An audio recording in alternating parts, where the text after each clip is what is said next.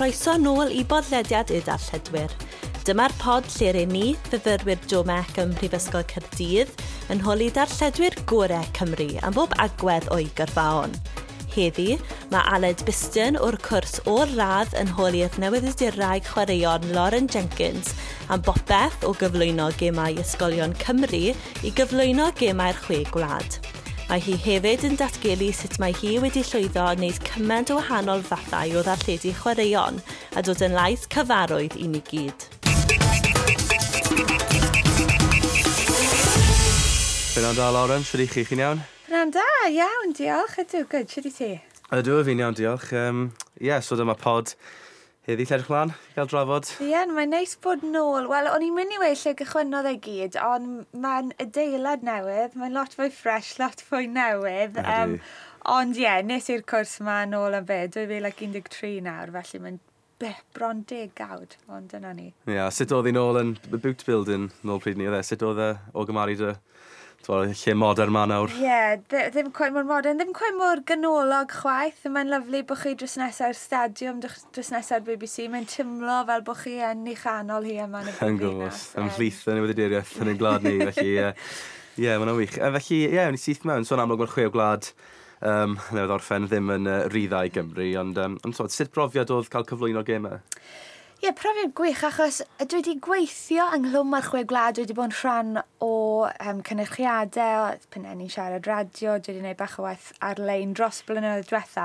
Dwi beth wedi gweithio dyledu byw um, ar gyfer y ben campwriaeth yn benodol, felly oedd gweithio i S4C um, yn anrhydedd, really, achos dyw'r cyfleoedd ddim yn dod rownd yn aml, achos mae lot o cyflwynwyr a gohebwyr gwych wedi wneud y swydd, a felly prynu'r cyfleoedd i gael y cyfle. Um, felly ie, yeah, o'n i'n gohebu pitch side siarad gyda um, Wyn Pifac, o'n i'n eitha ffodus, o'n i ddim yn neud y gêm na yn erbyn yr eidl. O'n i'n gwylio adre, meddwl, be bydde fi'n gofyn iddo fi nawr. Ond ie, yeah, Eddie Jones a, um, yeah, er oedd y canlyniadau yn siomedig i Gymru ar y cyfan, mae wastod yn bleser ac yn anrhydedd i fod yn rhan o'r cynhyrchiad yeah, so, fel, fel rhywun sydd yn cefnogi rygbi, sut profiad yw e mynd i wylio i fod yn ei chanol i wedyn ymhlith yr holl, yr holl bethau sy'n yeah, digwydd? Mae e'n wahanol iawn, a o'n i yn gwylio di sadwn, o'n i'n gwylio si, o'n i ddim yn gweithio, yn, a er y canlyniad, er perfformiad, o'n i'n meddwl, gosh, mae'n lyflu just gallu eistedd nôl a, a peidio cael y cogs ma'n troi yn eich meddwl yn kind of cynllunio cyfweliadau, yn trial rhagweld canlyniadau fyd, achos chyma mae rhestr o gwestiynau bras gyda chi, a wedyn mae'r cyfan yn gallu newid yn y mudu ola, chi rili really yn gofro meddwl um, ar eich traed. Felly, um, mae'n braf, yeah, mae'n braf gwylio fel cefnogwr, dwi ddim yn wneud yn aml iawn, achos dwi'n gweithio ar rygbi um, yng Nghymru bron a bod pob penwythnos. Felly, ie, yeah, profiad gwahanol, um, ond falle, tyma, reswm dwi'n neud e yw achos bod dwi'n dwlu ar y buzz o fod yn rhan o dyledu byw, felly dwi ddim yn cwyno am fod yn yn gwaith chwaith. Ie, yeah, yn gwir. Um, yn aml chi wedi cyflwyno ar, ar sialeni, um, sianeli gwahanol fyd. Os yna wahaniaeth rhwng y broses, a'r darlledu a'r cyflwyno gyda Sialeni gwahanol yma, neu yr un peth yn bob dim? Um, na, dos dim, really. Dwi'n meddwl mae'r swydd yn weddol tebyg. Um, yna, ges i gyfle dros y hydref i weithio yn benodol ar um, ymgyrch yr eidl, felly oedd y y broses o baratoi falle bach yn wahanol achos tyma, ni gyd, ni'n byw rygbi Cymru yma. Dwi'n gyfarwydd yr hanes, dwi'n gyfarwydd ar cyd-destun, dwi'n gyfarwydd y chwaraewyr yma mewn i bob gêm. Oedd gwe, gwe,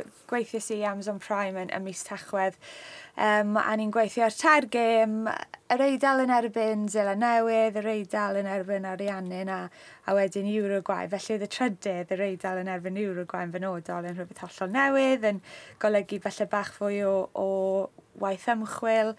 Um, ond nes i actually astudio ieithoedd yn, yn y brif ysgol, felly oedd e'n gyfle gwych i defnyddio bach o Sbeineg fyd gyda'r ariannau a, a i'r gwaith. Ond o ran y swydd, mae'n weddol tebyg um, ymateb i chi o diwedd y dydd i beth sydd wedi digwydd o'ch, o, o, o, o flaen eich llygad um, dros y 80 munud diwetha. Felly mae yeah, meddwl ar eich traed paratoi cyfweliadau cryno yn, yn debyg o o ddarlledwr i ddarlledwr. Ie, yeah, chi'n sôn fyna fyd yn amlwg yn paratoi yn amlwg yr eidl yw'r gwaith dim lot, swod. Fel, fel Gymraes, ni'n siŵr bod dim um, llawer o ddiddordeb i fod yn uh, tîm oedd yna. Felly, sut i chi'n paratoi twod, ar, ar gyfer y gêm yna lle, lle chi, chi ddim yn gwybod lot am y, am y tîm oedd neu lle twod, edrych lot mewn. Sut i chi paratoi yn iawn ar gyfer rheini?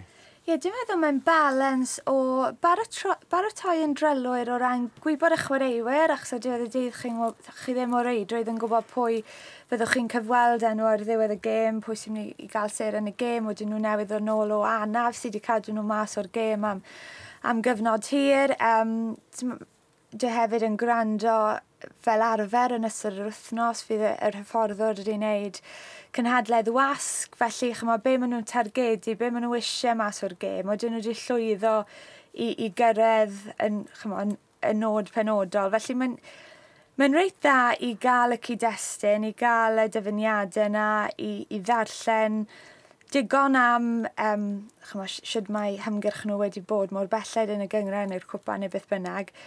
Ond hefyd i beidio glynu yn ormodol i be chi di paratoi, achos fel wedi sy'n jyst nawr, ddiwedd y dydd, um, chi rili really yn gorfod ymateb i beth chi wedi gweld. A weithiau, os dwi ddim yn neud unrhyw beth uh, yn ystod hanner cynta'r gêm, weithiau dwi'n eistedd nôl yn gwylio'r 20 munud cyntaf a wedyn yn dechrau paratoi yn yr ail hanner achos Chyma, pan chi'n neud lot o waith paratoi, chi weithiau meddwl, o oh, gosh, mae eisiau fi ddefnyddio'r stat yma, neu mae rai fi, ti'n meddwl, dwi wedi ffindio mas rhywbeth reit diddorol am Ciaran Crowley, mae eisiau fi weitho fe mewn i'n gwestiwn dos dim. Os mae angen y gwybodaeth yna, a mae'n rhoi hyder i chi fed, chymod, os chi wedi paratoi a chi'n gwybod lot am y tîm, chi'n mynd mewn i'r gêm ac i'r rhywun llawn hyder. Ond on, ond peidio i, fel wedys, i glynu ar bethau'n ormodol a gorfod just ymateb a meddwl ar eich traed. Um, a mae rhain i gyd yn sgiliau chi'n dysgu ac yn datblygu um, wrth eich gyrfa datblygu mewn gwirionedd. Ie. Yeah. A wedyn, sut mae'r paratoi na yn, yn amlwg chi wedi gwneud lot o bethau ar lefelau gwahanol o rygbi o rwngwladol i under 20s, indigo prem. Sut mae'r paratoi na yn newid wrth i'r lefel rygbi newid? Yn achos yn amlwg, mae lot o ymchwil yn cael ei wneud mewn i rygbi rhwng rhwngwladol er enghraifft, ond falle yeah. gyda unrhyw premierships dim gymaint o bethau na i weithio gyda? Ie, yeah, mae'n anodd cael y gwybodaeth, felly um, Indigo Premiership neu um, pan yn un i'r rygbi pawb sef cyngor ysgolion a cholegau Cymru neu hyd yn oed i raddau tîm dan igen, dyw'r gwybodaeth yna am y chwaraewyr ddim mas yna. Felly yn aml, enwedig gyda'r Indigo Prem a gyda'r ysgolion, o'n i'n um, e-bostio neu'n ffonio'r hyfforddwr yr ydy marth i mercher i gael bach o gefnder mwy na dim am y tîm. Ti'n meddwl pwy sy'n sefyll allan iddyn nhw o sanafiadau gyda nhw um, bydden ni ddim falle'n ymwybodol ohono. Um, a, a beth sy'n wahanol am hynny yw mae'r gallu gyda fi yn yr Indigo Prem i ffonio rhywun lan. Ti'n meddwl, dwi ddim... Ddim falle bod eisiau ffonio Wyn Pifac lan, achos mae'n gwybod bod bywydau i gyd mas na, ond um, yeah, dyw'r dyw drws na ddim yn agor i chi ar um, y lefel proffesiynol. Felly, um, yeah, mae'n wahanol o ran um, y ffordd chi'n mynd ati baratoi, ond mae'r ma swydd yn weddol tebyg. Yr unig beth sy'n newid ar y diwrnod yw'r pwysau sydd ar eich sgwyddau os chi'n darlledu i, i um, i'r wlad a'r S4C yn ei gêm Cymru Lloegr. Mae lot mwy o wylwyr na fe bysau Coleg Cyrdydd ar Fro yn erbyn Coleg Pen y Pont ar, ar lein ar nos fawrth. Um, fe sy'n ironic yw'r mae'r swydd yn weddol debyg. Dwi'n jyst yn meddwl bod rhaid i chi um, falle jyst trial atgoffa chi'n o hynny ar y degau.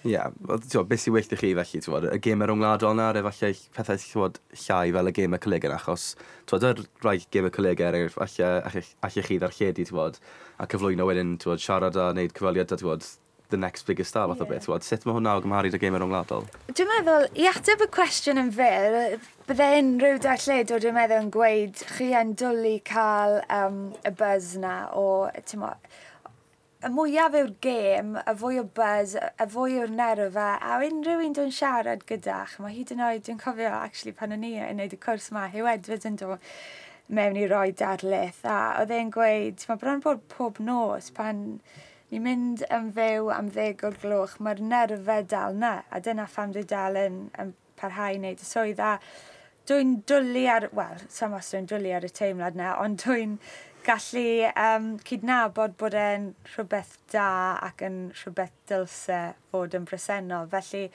um, yeah, dwi wastad, a dwi'n meddwl mae, mae actually meddwl debyg i atletwyr, ti'n pa, pan mae Frank, pan ath Frank, pan nhw'n dechrau'r gêm yn erbyn Lloegr yn mynd am y gamp lawn di Sadwn, wrth gwrs bod nhw'n teimlo pwysau, mae'r pwysau yn beth da.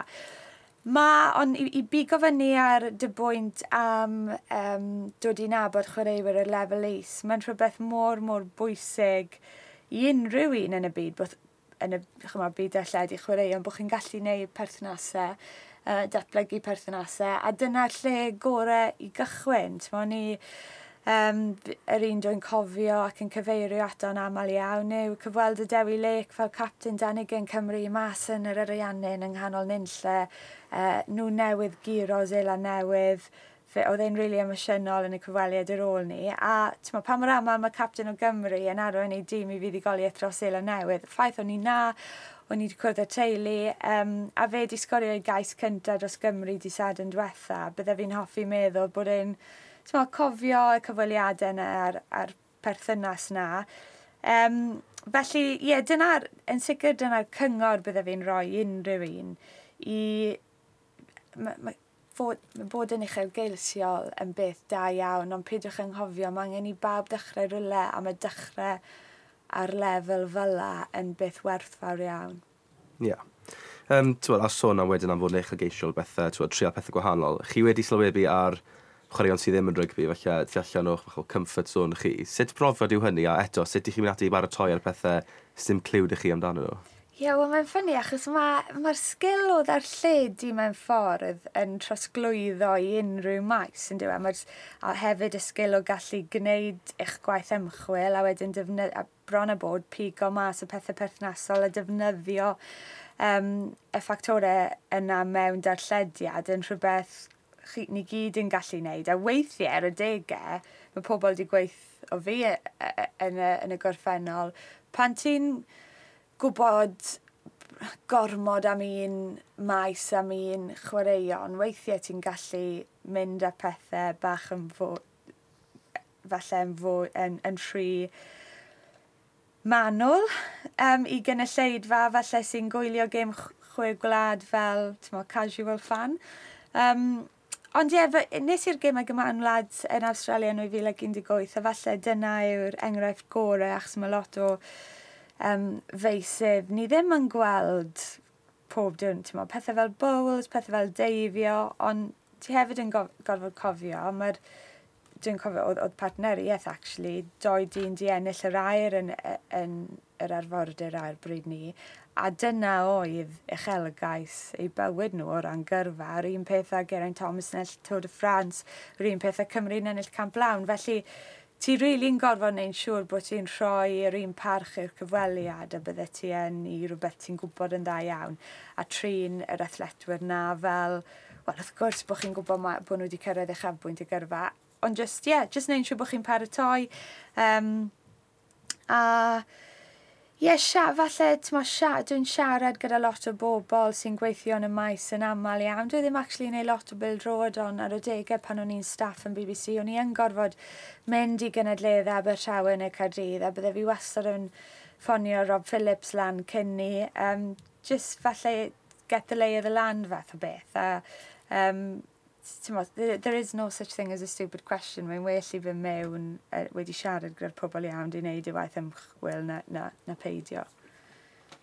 Ie, yeah, yn gwybod. Um, os ni'n symud ymlaen o'r chi mwy'r fel y sgiliau newyddiadurol yn mwy benodol, a mwy chi'n newyddiadurol llawrydd, beth yw'r manteision o fod yn newyddiadurol llawrydd? Um, Ie, yeah, so ni, ni, dde ddim fel bod fi wedi mynd mas a dewis i fod yn newyddiadurol llawrydd er nawr bydde fi'n gweld yn anodd mynd nôl. O'n i'n Um, o'n i'n gweithio i adran y BBC, um, wel, es i yeah, syth allan o'r cwrs olryddedig ma nôl yn 2013-2014. a ni na am bedair blynedd bron a fod, a wedyn ges i um, dath rhywun i fi ofyn i fi os oedd ddiddordeb gyda fi mewn gweithio i Premier Sports a a, a oedd y cyfle na ar y pryd ddim na yn y BBC i fod wrth ymyl y cae a ni rili really moyn y cyfle o datblygu yn y rôl yna. Felly, um, dyna be nes i, o dal, pan nes i'r penderfyniad, oedd e'n tymlo fel naid, oedd e'n tymlo fel risg. o dal perthnasau gyda fi, naill ai gyda'r BBC neu gyda cwmnioedd gwahanol, lle ni ddim. Just yn dibynnu'n llwyr ar Premier Sports, a dyna falle'r cyngor bydde fi'n rhoi. Mae angen doi neu dri neu tri neu pedwar cysylltiad agos um, ar yno chi. Ond bydde fi'n gweud ers, so be bydde yna wedi bod yn 2017, ie, yn y pedair blynedd diwetha, um, mae cytyn de be nawr, sy'n mae, a, a nid jyst rygbi, ond mae nhw wedi cael eu gwisgaru o gwmpas lot o gwmnïau a darlledwyr gwahanol, felly os i fi rili really moyn darllediau rygbi, um, ma, mae bron a bod pob cystadleuaeth nawr, mae rhai ar Premier Sports, mae BBC yn neud peth, mae um, Whisper yn neud uh, gymau genedlaethol rygbi Lloegr, gys i cyfle weithio yn nhw llynedd. So, ie, yeah, mae'n peth da bod fi ddim yn cyfyngu'n hun, falle un gystadleuaeth neu un cwmni. Ie, yeah, di gweud ni, dyw'r swydd ddim yn un ddiogel, ti ddim yn cael um, yr un tal pob mis, ti ddim yn cael gwyliau, am, tyma, os ti'n cymryd gwyliau wedyn ti'n mynd heb dal, os ti'n sal ti'n mynd heb dal. Um, ond ar y funud dwi'n eitha hoffi'r hyblygrwydd falle o gallu penderfynu pryd ac i bwy dwi eisiau gweithio i. Er, dwi'n gweud ni, dwi'n actually yn ffeindio um, dweud na yn dipyn o her a mae e'n broblem ar y degau. Um, yn wedig yn ystod y pandemig, o ti'n teimlo fel bod ti'n gofod cymryd bob un cyfle oedd yn dod ato ti. Felly, actually, un o'r sialensiau fwyaf yw cydbwyso dy amser o ran gwaith a, a dy amser gyda theulu a ffrindiau, a dwi ddim quite yn siŵr os dwi wedi ffigro hwnna allan to. Yeah, um, beth yw'r pwysigrwydd cael y, y sgiliau eang yn y, yn y diwydiant yn amlwg? Fath o cyflwyno, ysgrifennu, gallu sylwebu. So, beth yw'r pwysigrwydd cael y dynamic na rhwng bob dim i cael dim just blas o bob dim, ond tywod, bod yn uchelgeisiol am, am bob dim chwaith. Ie, yeah, pwysig iawn, a dwi'n meddwl nes i ddechrau yng Ngyrfa pan oedd rhaid. O'n i, um, ti'n modd, um, uh, cyfryngau cymdeithasol yn tyfu, o'n i'n cynhyrchu, o'n i'n ffilm o golygu lot mwy i'r we. A os o ti'n mynd i ohebu ar rhywbeth, o ti bron y bod yn gorfod mynd â camera gyda ti. Um, mae'n bwysig ar sawl lefel, ti'n meddwl, dwi'n cofio, mae'n rhoi hyblygrwydd i ti. So, o'n i'n VJ be, o'n i wedi bod yn y BBC am dwy flynedd, o'n i wedi gwneud sawl swydd erbyn ni, o'n i wedi rhoi y gyddesg sy'n golygu trefnu'r bwletin ar gyfer y bore. Um, Ie, yeah, o'n i wedi gwneud bach o waith gohebu, o'n i wedi cynhyrchu oedd sioe radio bob nos bryd ni Radio World Sport o 7 tan 9, nes i bach o gynhyrchu.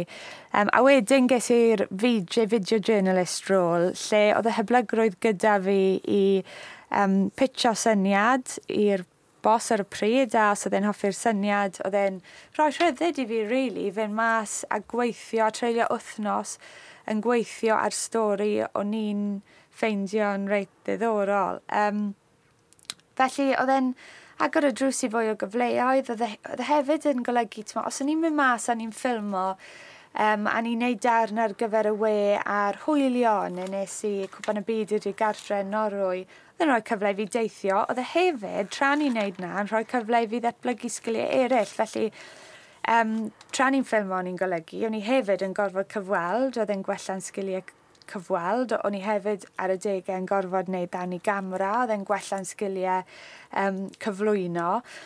Um, a ti'n ma'n unig be arall byddwn ni'n gweud, chi ddim wastad yn gwybod be chi eisiau wneud. Um, pan chi'n dod at o brifysgol, felly mae cael y profiad na o wneud um, mwy nac un rôl yn werthfawr, a hyd yn oed nawr, mo, mae, mae, mae gyrfa unrhyw un yn un hir. Ni'n treulio lot o'n bywydau, ni'n gweithio.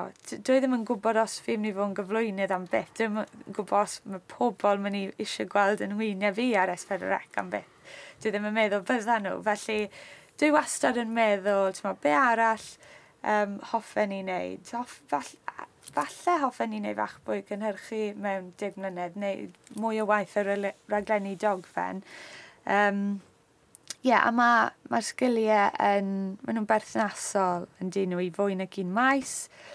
Ydw dwi'n newyddiadur o'r chwaraeon. Um, bydde fi'n yn dweud yn bendant dwi byth wneud newyddion. Na, achos ti'n mo, be yw dwi'n nawr, dwi'n 21 sy'n weddol hyn, ond ddim mor hyn o'n ni. Um, ia, yeah, faint o ryddid i chi yn cael wedyn, twod, pan chi moyn wneud cynnwys pen penodol, faint o ryddid i chi'n cael i mynd i'r cynhyrchydd a dweud, licen i wneud hwn, fi wneud hwn, faint o ryddid sydd da fi wedyn i mynd i wneud ni?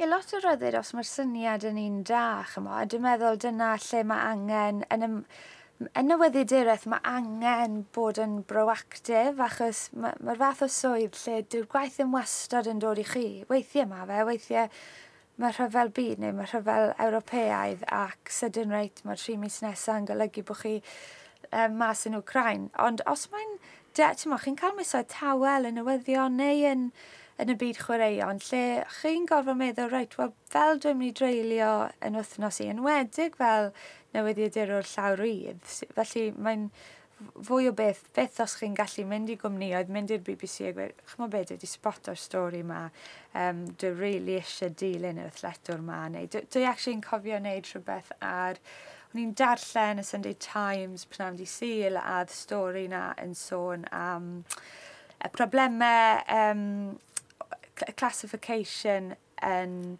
in Paralympic sport, right? Yn y gym y Paralympiaidd a oedd um, tad Olivia Breen yn gweud bod y broses, y system presennol yn un hanheg. Yn meddwl, oh, wel, mae fe'n dadu y thletrag o Gymru, mae ongl Cymreig fan hyn, ond mae'n mae rhywbeth sydd ddim actually wedi cael lot o sylw yn y wasg, mae'n rhywbeth bydden ni'n hoffi um, ymchwilio. A dyna be nes i, a dreulio si, wel, mwy na gwythnos, wythnosau E, nes i gwrdd â fe, siarad o Olivia, siarad gyda cyn athletwyr, oedd di rhoi'r gorau i'r gamp, siarad gyda prif weithredwr um, British Paralympic Sport i, i gael ei ochr e, a tyma, ymhen rhyw mis oedd y, y darn ar BBC Breakfast. A dath hwnna jyst o digwydd bod, o'n i darllen erthigol o David Walsh yn y Sunday Times, pnawn di syl. Felly mae jyst, ti'n modd, dyna beth yw bod newyddiadurwr da, yw cadw'ch llygad ar agor a'ch clustiau. Chi'n chymod treulio lot o amser yn cymdeithasu gyda um, athletwyr neu pobl sy'n nabod athletwyr a falle jyst wast mae angen bod yn agored i straeon um, ble bynnag chi'n mynd, really. Ie. Yeah. Um, a jyst i orffen e, beth yw'r, ti sôn bach amdano fe'n barod, beth yw'r dyfodol a beth yw prif nod Laura Jenkins yn ei gyrfa hi? Wyt ti'n mae'n cwestiwn diddorol? Achos dwi'n cofio rhywun yn gofyn y cwestiwn fi pan o'n i yn y BBC, ti'n lle ti'n gweld y hun ym hym pum blynedd, a ni ddim yn gwybod fel i ateb y cwestiwn, ond be o'n i yn gallu gweud yw, dwi yn uchelgeisiol, a dwi'n, pan dwi'n tymlo falle'n rhy gyfforddus, neu dwi'n tymlo fel dwi eisiau challenge newydd, byddai'n edrych am y challenge na, a byddai'n edrych am cyfleoedd, a, a ti'n bach o look yn dod mewn iddo fe fyd. Ges i'n swydd cyflwyno gyntaf gyda rygbi pawb achos oedd y, y contract i dod i ben a oedd cwmni newydd di ennill y contract a oedd angen cyflwynydd newydd. Um, a dde'n digwydd bod bod e'n ffito gyda trawydd yng Ngyrfa i ar y pryd. Um, so ie, yeah, dwi, dwi eisiau parhau i gyflwyno, dwi eisiau...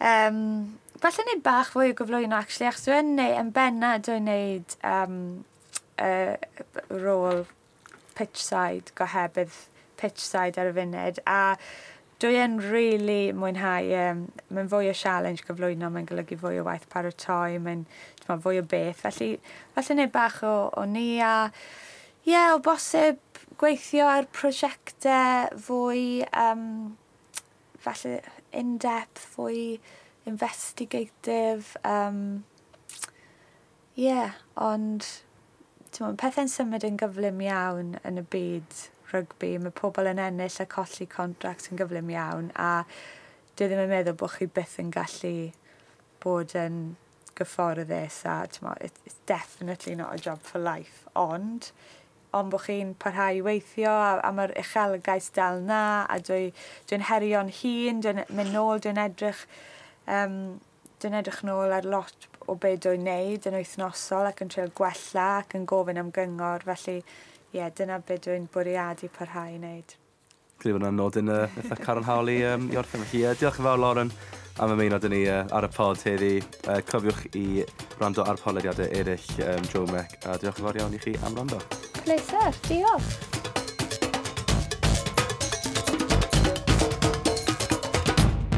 o'r wefr gyflwyno'n fyw i brosiectau mwy ymchwiliol. Roedd e'n ffab clywed am brofiadau Lauren a neges bwysig i gadw herio'ch hunan drwy'ch gyrfa.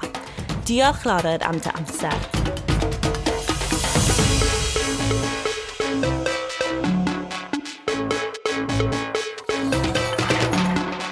Mae mwy o ddarlledwyr chwaraeon yn ein llyfrgell ni, Dot Davies yna'n barod a Dylan Ebbs ar y ffordd llawer mwy hefyd. Felly cofiwch dan ysgrifio i bod i darlledwyr mae lot mwy i ddod.